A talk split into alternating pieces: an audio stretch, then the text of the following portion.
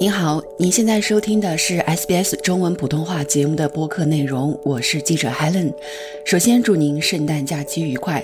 在2023年圣诞节的上午，今天我们要为您带来澳大利亚两党领袖的圣诞致辞。总理安东尼·阿尔巴尼斯在圣诞致辞中承认了澳大利亚正在度过艰难时期，而反对党领袖彼得·达顿则在致辞中赞扬了澳大利亚人特有的韧性。感恩和对艰难时期的承认贯穿了总理阿尔巴尼斯今年的圣诞致辞的核心。阿尔巴尼斯向澳大利亚人发表了2023年圣诞和新年致辞，向昆士兰州北部洪水和恶劣天气的受害者表示敬意。在经历了艰难的一年之后，许多澳大利亚人期待庆祝这一节日。在这一年中，许多人因生活成本压力而难以为继。一些人因围绕原住民议会之声公投的激烈辩论而产生分歧，海外战争也成为新闻焦点。总理阿尔巴尼斯祝愿澳大利亚人度过一个平安快乐的圣诞节。他说：“I'd like to wish everyone a very merry Christmas。我祝大家圣诞快乐。对许多澳大利亚人来说，这是一个休息与家人团聚的机会；对基督徒来说，这是一个神圣的时刻。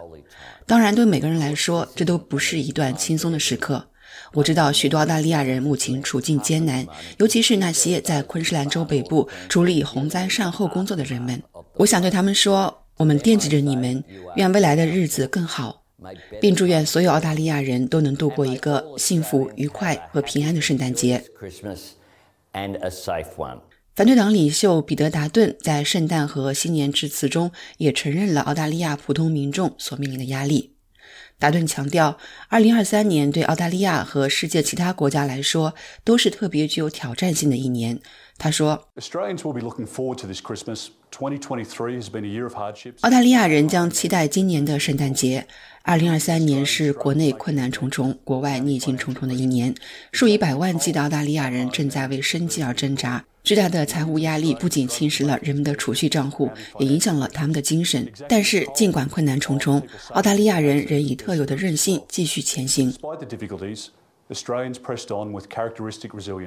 他对执法人员、国防人员、医疗保健人员和急救人员表示感谢，说他们不会在圣诞节期间休息。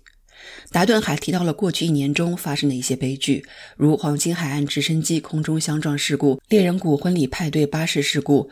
杜加尔德河矿难、大班直升机灾难以及两名警察的殉职，他还特别提到了一些伟大的澳大利亚人的逝世。